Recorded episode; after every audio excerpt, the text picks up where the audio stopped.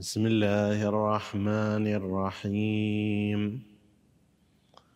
صلى الله عليك يا سيدي يا رسول الله.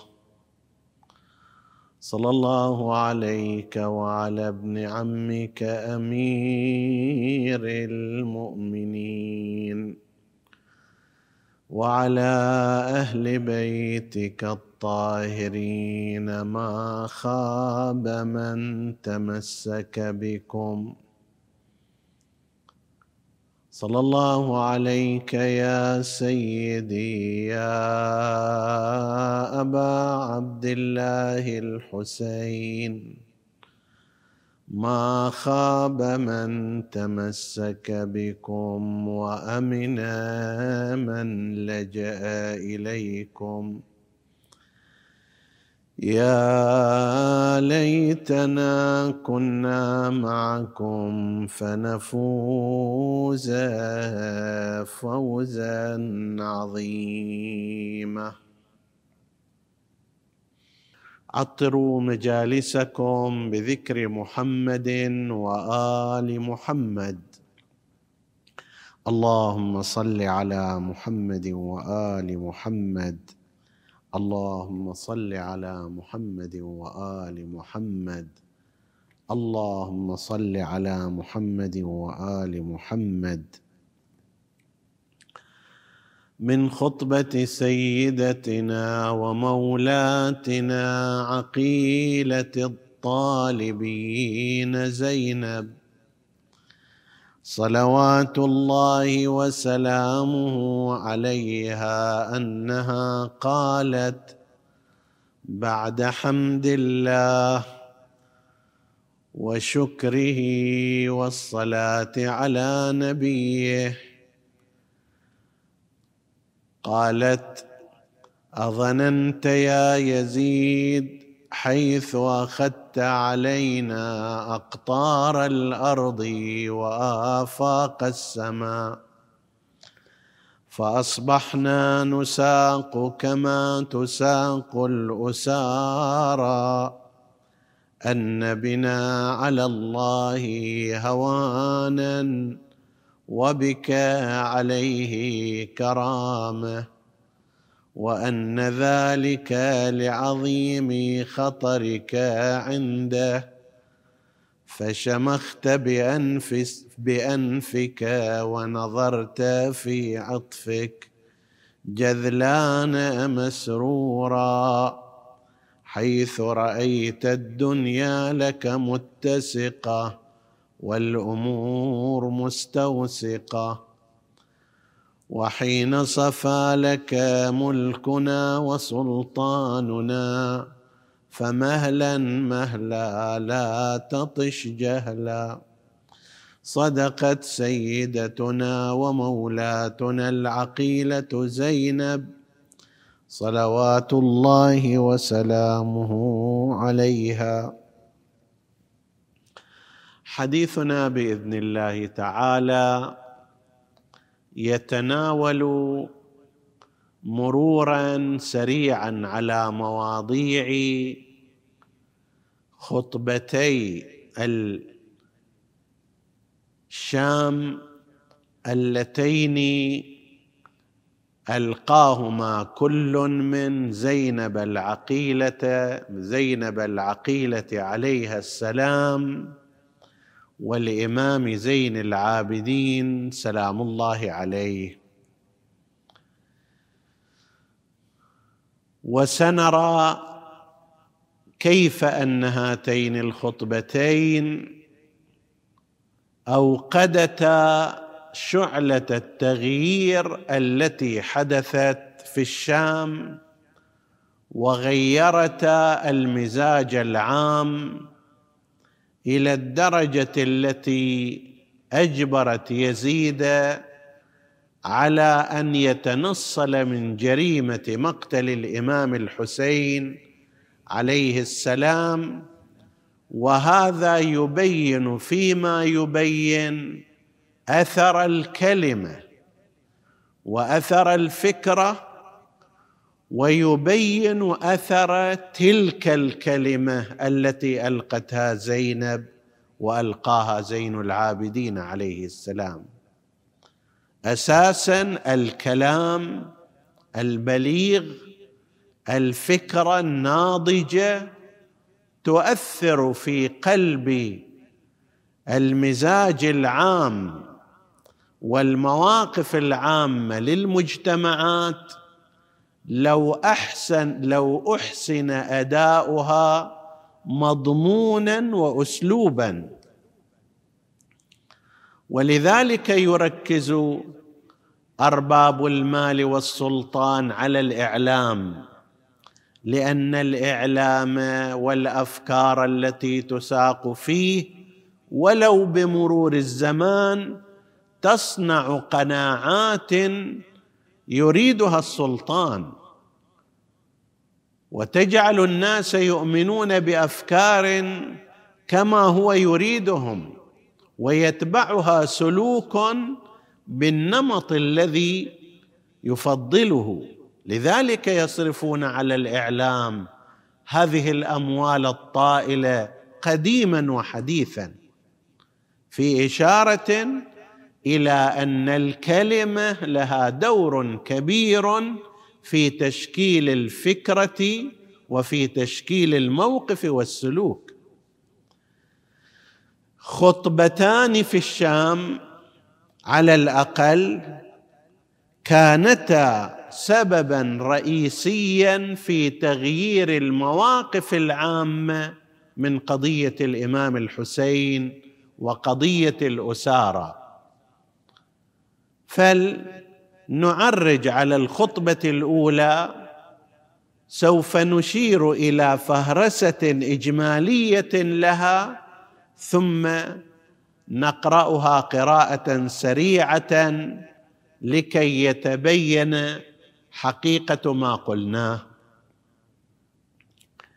أول ما نلاحظ أن هذا الخطاب الزينبي الخطاب الأول فيما نعتقده والذي شهد المجلس الأول كما بينا في يوم مضى هذا الخطاب من العقيلة زينب يعتبر خطابا معجزا. وذلك لأن الظروف التي أحاطت بهذا الخطاب كلها تساهم في أن لا يخرج بهذا المقدار.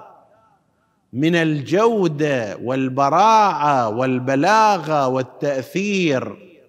كل الظروف كانت معاكسة له. ومع ذلك جاء في أفضل صورة ممكنة يقوم بها متكلم.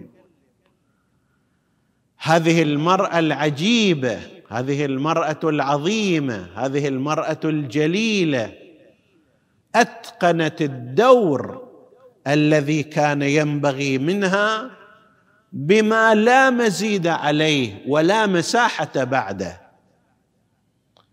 فإننا نجد أن الخطيب عندما يريد أن يخطب خطابا قد يستفيد من ظروف فيأتي خطابه مضاعف التأثير.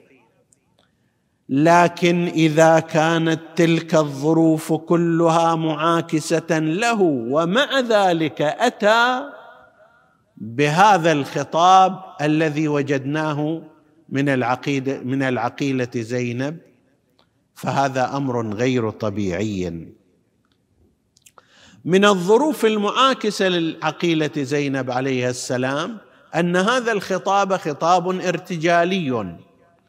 لم يعد ولم يهيأ ولم يحبر ومناسبته أيضا كانت مناسبة مفاجئة. فإن الأمور لو جرت بشكل طبيعي ربما لم يكن هناك خطاب للعقيلة زينب لولا أنها رأت اللعين يزيد قد قام بقرع اسنان أبي عبد الله الحسين. بعود الخيزران هنا لم تتمك لم تتمكن العقيلة زينب من الصبر فقامت بعد ذلك وخطبت ذلك الخطاب. وهذا يشير إلى أنه لم يكن هناك إعداد وتهيئة وتحبير للموضوع. تماما مثل ما كان عند عبيد الله بن زياد. في ذلك المجلس لم نشهد خطبة في ذلك المجلس. هنا عندما حدث هذا الحدث قامت العقيلة زينب وبدأت بالخطاب فهو اذا خطاب ارتجالي. الخطاب الارتجالي إما أن يكون في فكرته ضعيفة في فكرته يكون ضعيفا وإما أن يكون في لغته ومفرداته يكون فيها ضعف. لقد وجدنا في خطاب العقيلة زينب كلا الأمرين كان في القمة من حيث الفكرة ومن حيث الألفاظ والسبك والبلاغة. الأسلوب كالمحتوى والمحتوى كالأسلوب كل منهما يسبق الآخر في جودته. مع أن الظرف كما قلنا ظرف ارتجالي. هذا واحد. البيئة التي خطبت فيها العقيلة زينب أيضا هي بيئة معاكسة. نظرا لأن زينب عليها السلام امرأة خفرة. خفره يعني لم تتعود على لم ليست برزة كما يقولون بحيث تتعامل مع الرجال وتأخذ وتعطي معهم وتطرح الكلفة بينها وبينهم وتتعود على هذه المجالس ليست كذلك. وإنما هي محجبة مخدرة محتشمة خفرة البيئة التي خطبت فيها العقيلة زينب هي بيئة رجال ما بين عسكر وجنود وسياسيين وغرباء وشامت وشامتين بل وشتامين. هذه البيئة بيئة رجال وأعداء أيضا وهؤلاء قليلو الاحترام لأنفسهم ولغيرهم. فهذه بيئة لا تساعد على الخطاب القوي والناضج. هي بيئة معاكسة لأن يأتي الخطاب خطابا قويا. كذلك الوضع النفسي والبدني للسيدة زينب عليها السلام فإنها من الناحية النفسية امرأة ثاكل فقدت ابنها في المعركة. وهي أيضا فقدت إخوتها وفقدت أبناء أخيها وفقدت بني عمومتها. وفوق ذلك أيضا هي في هذا السفر الطويل يعني خلال عشرين يوم أكثر ثلاثين يوم شهر من الزمان من يوم 11 إلى الآن أول صفر هذه الفترة الطويلة من الزمان لم تكن مساعدة في سفر صعب وهواجر وصحاري وشمس. فلا من الناحية النفسية هي قادرة في وضع نفسي مناسب لإنشاء خطبة بليغة تفكر في كلماتها وتفكر في مضمونها. لا من الناحية النفسية هي مهيئة ولا من الناحية البدنية. الآن لتوهم قد وصلوا من هذا السفر الطويل. مع ذلك أتت بهذا الخطاب القريب من الإعجاز. هذا أمر نلاحظه في هذه الخطبة. حتى إذا بدأت صلوات الله وسلامه عليها انظروا إلى براعة الاستهلال وقوة البداية فكرة واسلوبا. فإنها بعدما حمدت الله وذكرت النبي قالت بسم الله الرحمن الرحيم قال الله تعالى ثم كان عاقبة الذين أساءوا السوء أن كذبوا بآياتنا وكانوا بها يستهزئون. هذه البداية أن كذبوا بآيات الله وكانوا بها يستهزئون. هذه البداية اختيار هذه الآية المباركة من بين جميع آيات القرآن الكريم لكي تنطبق على هذا الرجل المسمى بيزيد خصوصا بعد تمثله بأبيات ابن الزبعرة لعبت هاشم بالملك فلا خبر جاء ولا وحي نزل وقرعه لراس الحسين عليه السلام. هذه أفضل آية تنطبق على الموقف فإنها تقول بما معناه أن الإنسان يبدأ فاسقا ثم ينتهي مكذبا بآيات الله عز وجل من الانحراف الجوارحي إلى الانحراف الجوانحي. من فساد العمل إلى فساد العقيدة. يسيء هؤلاء السوء. لكن لا ينتهي بهم الأمر إلى هذا ينتهي بهم الأمر إلى التكذيب بآيات الله عز وجل.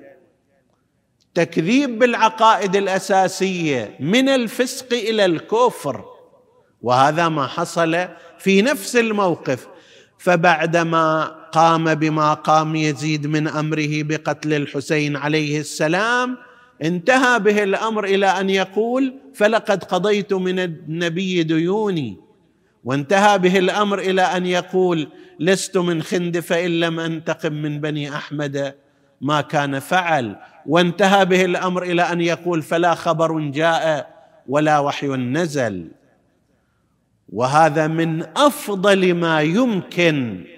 يعني لو أن إنسانا فكر كثيرا في أن أي آية يمكن أن تنطبق على الموقف الذي اتخذه يزيد وانتهى إليه لما وجد أحسن من هذه الآية المنتخبة وعلى سبيل الارتجال كما قلنا. هذه براعه الاستهلال منها صلوات الله وسلامه عليها. ثم بعد ذلك جاءت بفكرة هي خفية أو يحاولون أن يخفوها وهي أنه لا ارتباط بين الابتلاء الإلهي لأحد وبين أن يكون مبغوضا منه. كما أن من لم يبتلى ولم يمتحن لا يعني أنه مقرب من الله عز وجل. المنتصر ليس دائما وليس بالضرورة دائما هو قريب من الله. كما أن المنهزم ظاهرا ليس بالضرورة أن يكون بعيدا عن الله عز وجل. لذلك قالت أظننت يا يزيد حيث أخذت علينا أقطار الأرض وآفاق السماء فأصبحنا نساق كما تساق الاسارى أن بنا على الله هوانا وبك عليه كرامة. تتصور هكذا؟ وأن بنا وأن ذلك لعظيم خطرك خطرك عنده فشمخت بأنفك ونظرت في عطفك جذلان مسرورا. لا تتصور هكذا.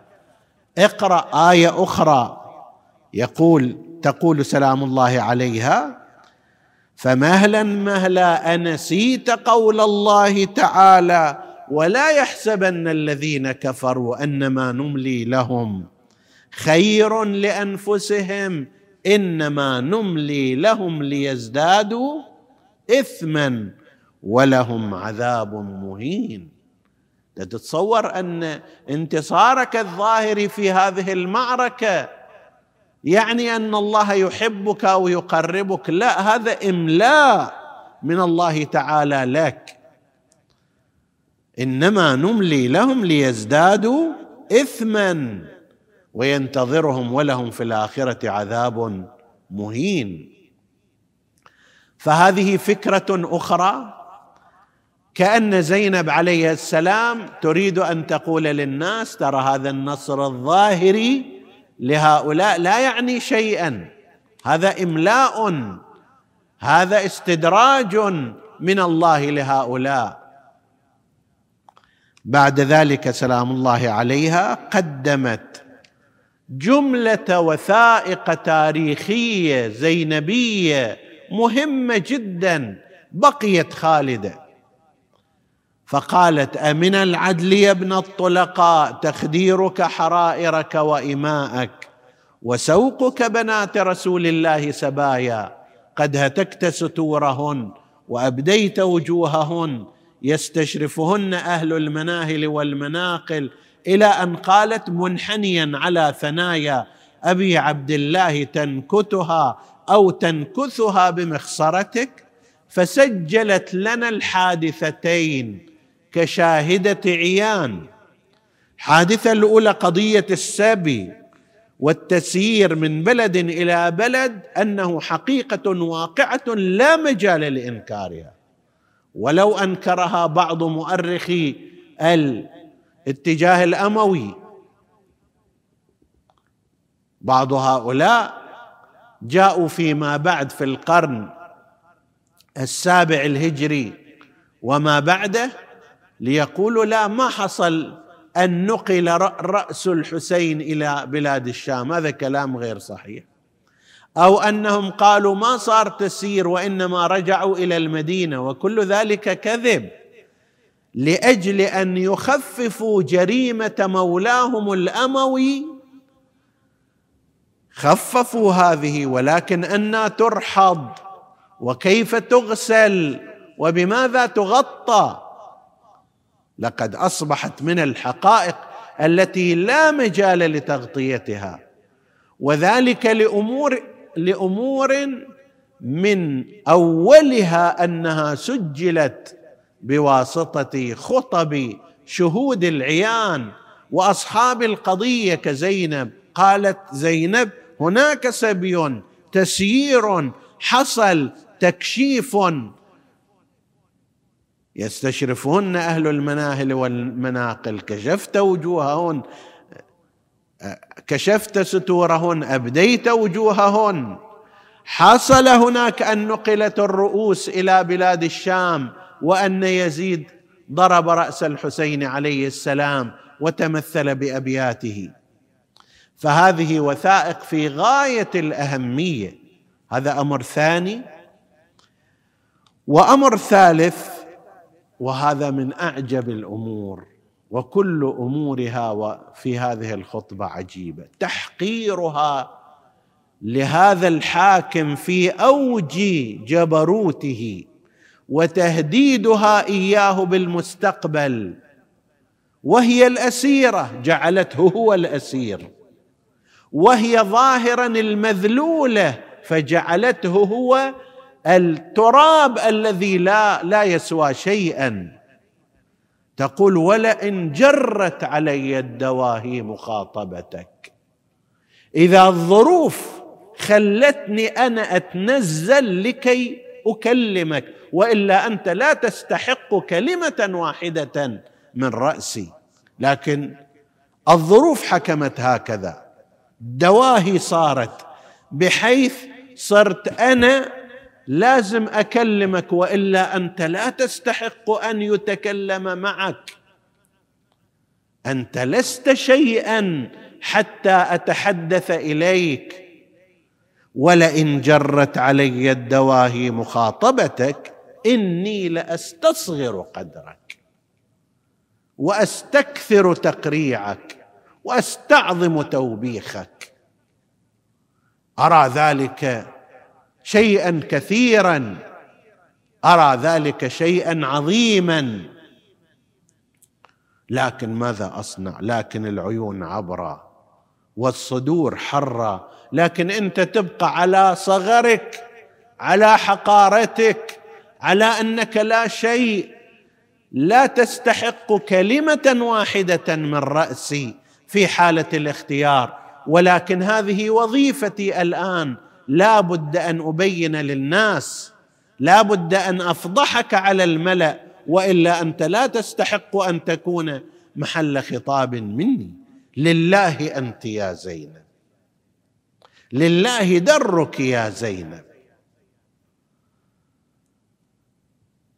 عندما تتكلمين هكذا ثم تقول له تتصور أنه انتهت المعركة هنا؟ انتهت الحرب في هذه النقطة؟ لا. فكت كيدك اسعى سعيك ناصب جهدك. جند من شئت وما شئت من قوتك. المستقبل يقضي عليك. وبالفعل قضى المستقبل على أين بنو أمية الآن؟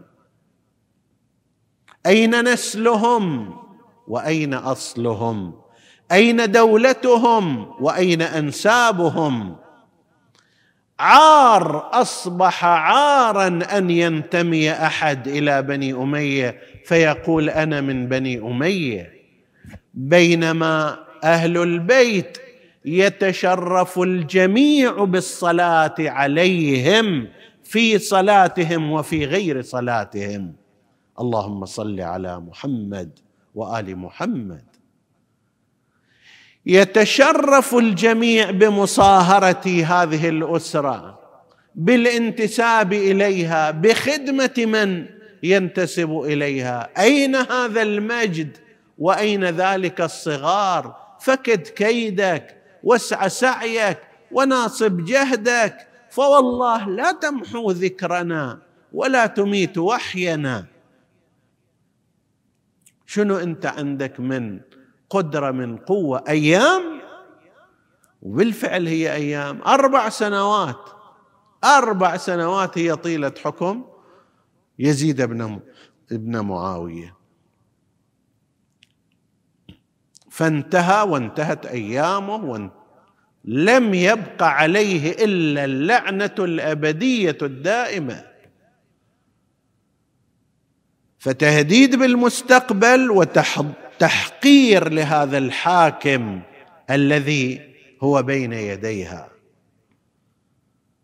وأنهت خطابها بهذا بعد أن حقرته بعد أن مسحت به الأرض بعد أن قالت له إننا نحن المنتصرون نحن الباقون وأنت المنهزم وبنو أمية هم الزائلون. هذا خطاب العقيلة زينب سلام الله عليها. لعل أكثر المؤمنين يحفظ فقراته ولكننا نقرأه للتبرك قراءة سريعة. قالت سلام الله عليها صدق الله سبحانه حيث يقول ثم كان عاقبة الذين أساءوا السوء أن كذبوا بآيات الله وكانوا بها يستهزئون. أظننت يا يزيد حيث أخذت علينا أقطار الأرض وآفاق السماء فأصبحنا نساق كما تساق الأسارى. أن بنا على الله هوانا وبك عليه كرامة وأن ذلك لعظيم خطرك عنده فشمخت بأنفك ونظرت في عطفك جذلان مسرورا حيث رأيت الدنيا لك متسقة والأمور مستوسقة وحيث أو وحين صفى لك ملكنا وسلطاننا فمهلا مهلا لا تطش جهلا انسيت قول الله تعالى حيث يقول ولا يحسبن الذين كفروا أنما نملي لهم خير لأنفسهم إنما نملي لهم ليزدادوا اثما ولهم عذاب مهين أمن العدل يا ابن الطلقاء؟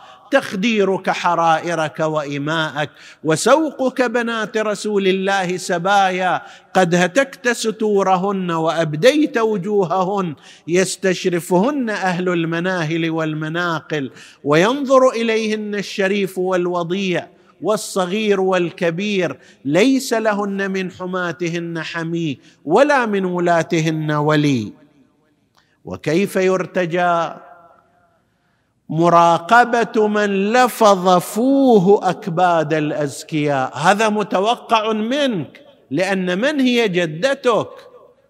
من هو نسلك؟ ونبت لحمه من دماء الشهداء وكيف يستبطأ في بغضنا أهل البيت من نظر إلينا بالشنف والشنآن والإحن والإضغاء؟ والأضغان ثم تقول غير متأثم ولا مستعظم. لأهلوا واستهلوا فرحا ثم قالوا يا يزيد لا تشل منحنيا على ثنايا أبي عبد الله. سيد شباب أهل الجنة تنكتها بمخصرتك وكيف لا تقول ذلك؟ وقد نكأت القرحة واستأصلت الشأفة بإراقتك دماء ذرية محمد صلى الله عليه وآله. هنا تثبيت المسؤولية التامة على يزيد. لترميها بعدين على عبيد الله بن زياد وعلى أهل الكوفة وعلى فلان. لا أنت بإراقتك دماء ذرية رسول الله. ونجوم الأرض من آل عبد المطلب. وتهتف بأشياخك. زعمت أنك تناديهم فلتردن وشيكا موردهم. كما ذهب عتبة وشيبة وأبو جهل أشياخك هؤلاء الذين تناديهم ستصل إليهم ويكون مصيرك مصيرهم. ولتودن أنك شللت وبكمت ولم تكن قلت ما قلت وفعلت ما فعلت. اللهم خذ لنا بحقنا وانتقم ممن ظلمنا وأحلل غضبك بمن سفك دماءنا وقتل حماتنا. فوالله ما فريت إلا لحمك. ما فريت إلا جلدك ولا حززت إلا لحمك. ولتردن على رسول الله بما تحملت من سفك ذريته سفك دماء ذريته وانتهكت حرمته في عترته. ولحمته حيث يجمع الله شملك شملهم ويلم شعثهم ويأخذ بحقهم. ولا تحسبن الذين قتلوا في سبيل الله أمواتا بعد بل أحياء عند ربهم يرزقون. ولئن جرت علي الدواهي مخاطبتك إني لأستصغر قدرك وأستعظم تقريعك وأستكثر توبيخك لكن العيون عبرة والصدور حرة ألا فالعجب كل العجب لقتل حزب الله النجبى بحزب الشيطان. الطلقاء فهذه الأيدي تنطف من دمائنا والأفواه تتحلب من لحومنا وتلك الجثث الطواهر الزواكي تنتابها العواسل وتعفرها أمهات الفراعل. ولئن اتخذتنا مغنما لتجدن وشيكا مغرما حيث لا تجد إلا ما قدمت يداك وما ربك بظلام للعبيد. فكد كيدك واسع سعيك وناصب جهدك فوالله لا تمحو ذكرنا ولا تميت وحينا ولا يرحض عنك عارها. وهل رأيك إلا فند وأيامك إلا عدد وجمعك إلا بدد. يوم ينادي المنادي ألا لعنة الله على الظالمين؟ هذه كانت إطلالة سريعة على خطبة العقيلة زينب عليه السلام وأما عن خطبة الإمام السجاد عليه السلام والتي نعتقد أنها صارت في اليوم التالي في المسجد الأموي في جمع أكبر من الناس. منهم من عامة أهل دمشق منهم السبايا والاساره منهم من كان من رجال الدولة كما يسمونهم منهم أيضا بعض الوفود التي كانت قد قدمت من بلاد الروم ومنهم مسيحيون وقساوسه فأنشأ الإمام عليه السلام خطبة بعدما قام خطيب وبدأ بشتم أمير المؤمنين عليه السلام والحسنين صلوات الله عليهما. فبعدما استمر في هذا الكلام قام الإمام زين العابدين وقال له أيها الخاطب لقد اشتريت مرضاة المخلوق بسخط الخالق فتبوأ مقعدك من النار. هذا ليس خاصا بذلك الخاطب. كل خاطب يشتري سخط الخالق يشتري رضا المخلوق بسخط الخالق ويبيع كلاما كاذبا لا يرضى عنه الله سبحانه وتعالى. طمعا في حطام الدنيا ينطبق عليه هذا الكلام. قال فتبوأ مقعدك من النار. ثم قال ليزيد يا يزيد إذن لي أن أصعد هذه الأعواد فأقول كلاما لله فيه رضا ولهؤلاء الجالسين أجر وثواب.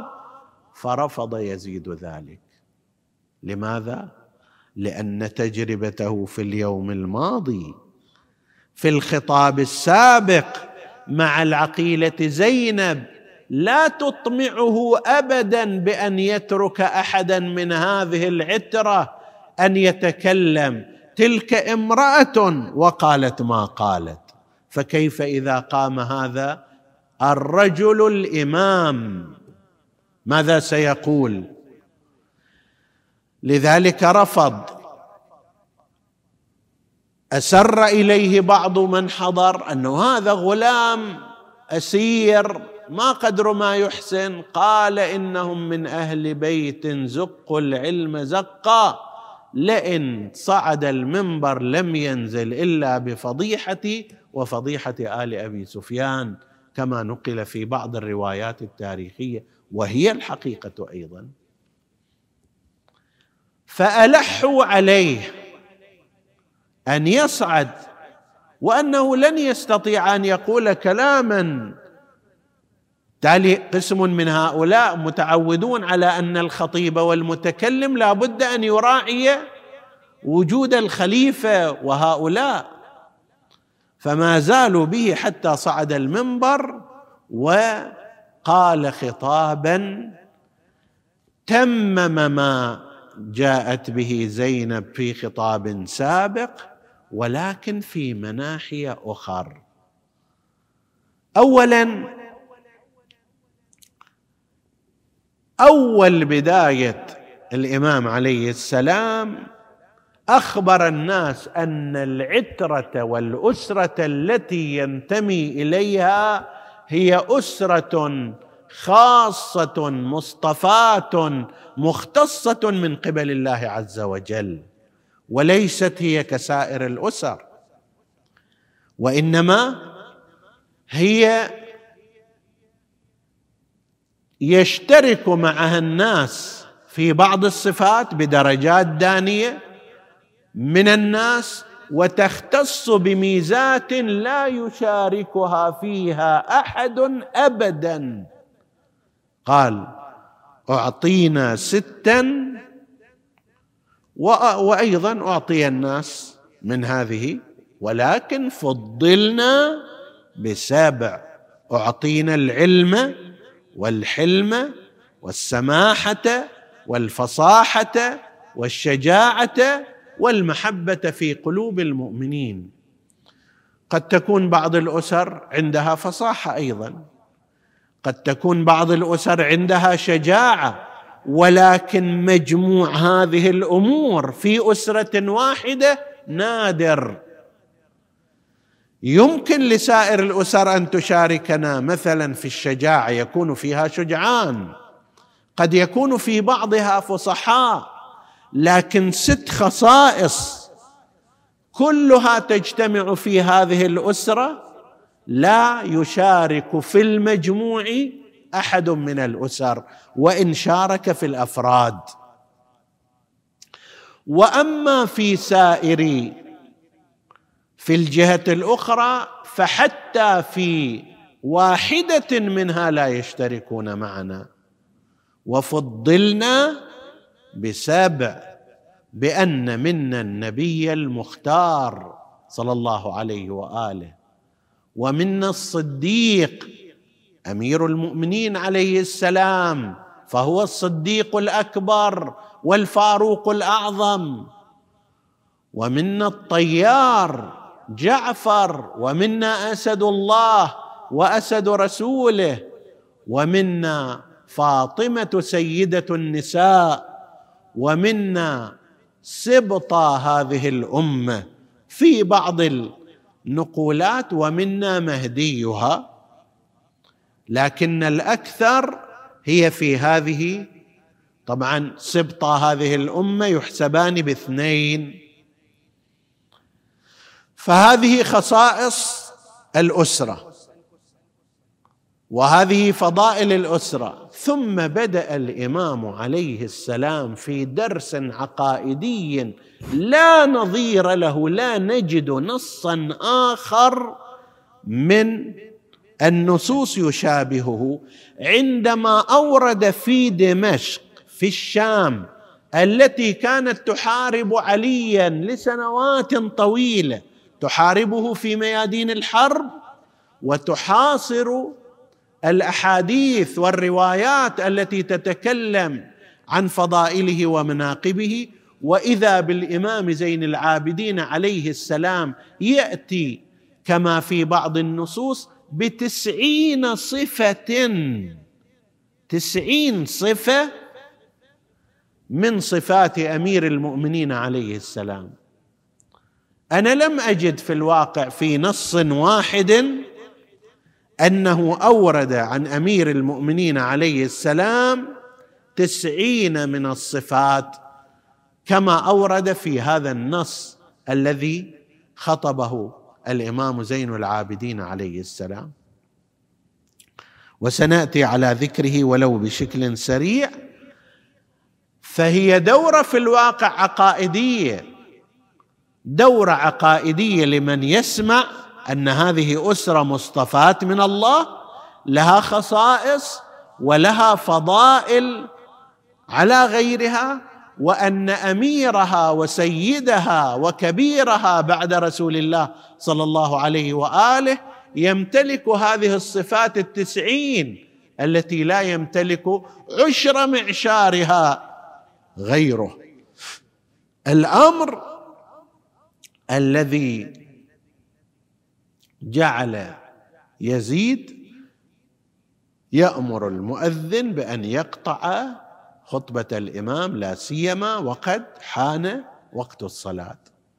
بعدما فرغ من أمير المؤمنين عليه السلام ذكر مصيبة الإمام الحسين عليه السلام فقال أنا ابن بنت الرسول المصطفى أنا ابن بنت سيدة النساء أنا ابن المذبوح عطشانا حتى قضى أنا ابن الظمآن حتى مضى أنا ابن من حرمه إلى الشام تسبى أنا ابن من ناحت عليه الطير في السماء أنا ابن من أنا ابن من بكت عليه ملائكة السماء وناحت عليه الطير في الفضاء. وهكذا الأمر الذي جعل الناس يموجون من الألم. والموقف كان يقتضي هكذا. والنساء بدأن بالبكاء والأطفال ارتفعت أصواتهن بالنحيب. وقسم ممن كان حاضرا تفاعل بإظهار الألم واللوعه والحزن. فأمر يزيد لعنة الله عليه المؤذن وقد حان وقت الصلاة أن يؤذن بصوت عال وأن يقطع كلام الإمام عليه السلام. لم يقل له مثلا توقف فإن الأذان قد قام. أو أنهي خطابك مثلا وإنما أمره بأن يبدأ بالأذان. ونحن نفترض كما هو الحال في مثل هذه الأماكن أنه كما في هذه المساجد المعاصرة الآن وسائل لتكبير الصوت للمؤذن لكي يوصل صوته إلى أبعد نقطة ممكنة فإنه في ذلك الوقت إما كانوا ينتخبون المؤذن الصيت الجهوري أو لديهم وسائل أخرى في ذلك. ومعنى هذا أنه عندما أمر المؤذن أن يؤذن أذن بحيث يغطي على كلام الإمام حتى لو استرسل. فلا يسمع الناس كلام الإمام ويسمعون أذان هذا المؤذن.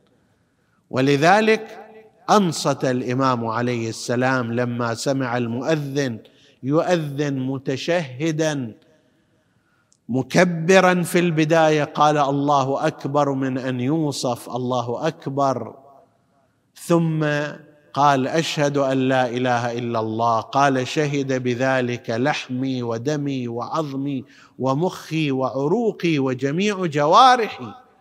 إلى أن قال أشهد أن محمدا رسول الله. أشار الإمام عليه السلام إلى هذا المؤذن وقال مخاطبا يزيد يا يزيد محمد هذا جدي أم جدك؟ هذا الذي يشهد المؤذن أنه رسول الله.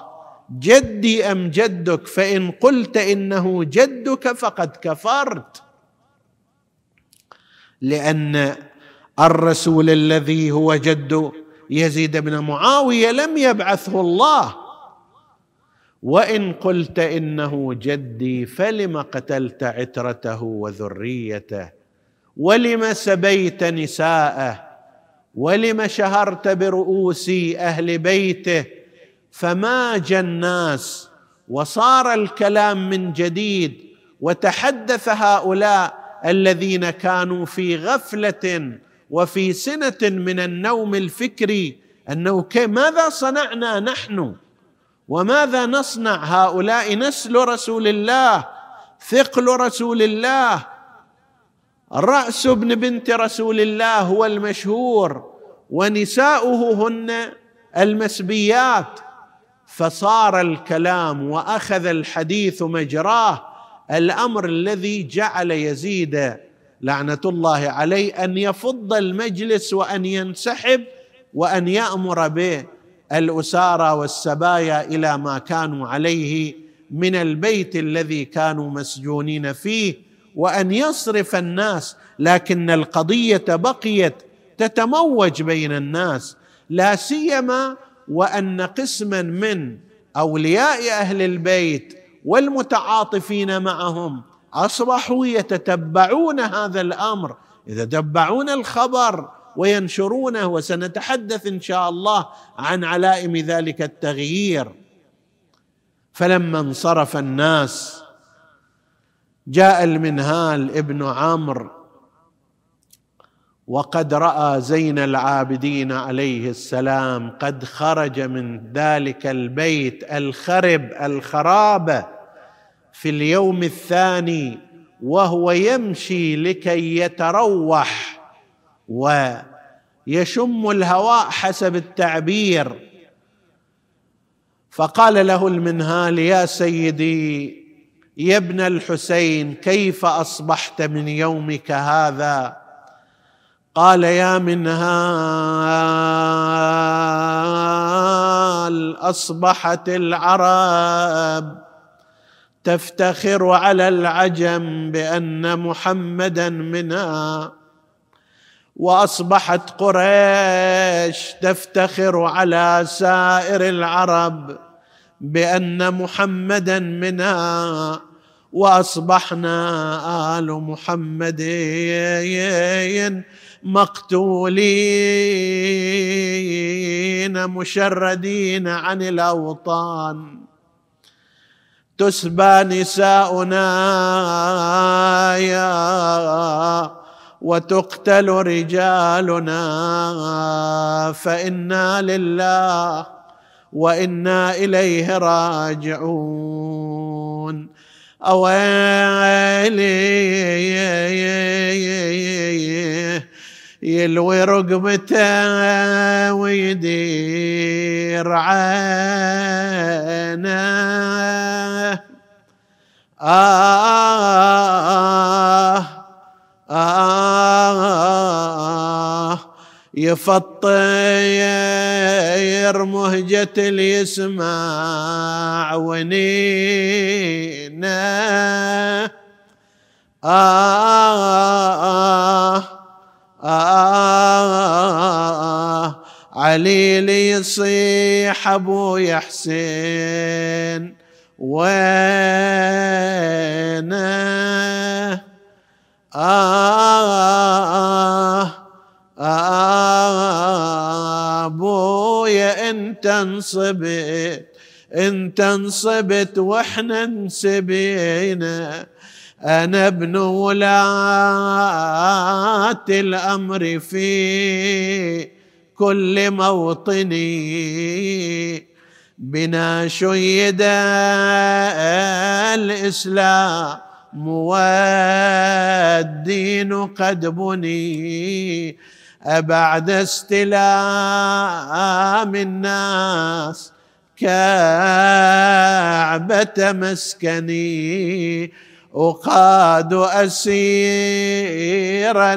في دمشق كأنني. من الزنج عبد غاب عن نصير. نسألك اللهم وندعوك باسمك العظيم الأعظم الأعز الأجل الأكرم. يا الله اغفر لنا ذنوبنا كفر عنا سيئاتنا آمنا في أوطاننا. لا تسلط علينا من لا يخافك ولا يرحمنا ولا تفرق بيننا وبين محمد وآله طرفة عين. احفظ اللهم اخواني السامعين فردا فردا واقض حوائجهم. اشف اللهم مرضاهم لا سيما المرضى المنظورين.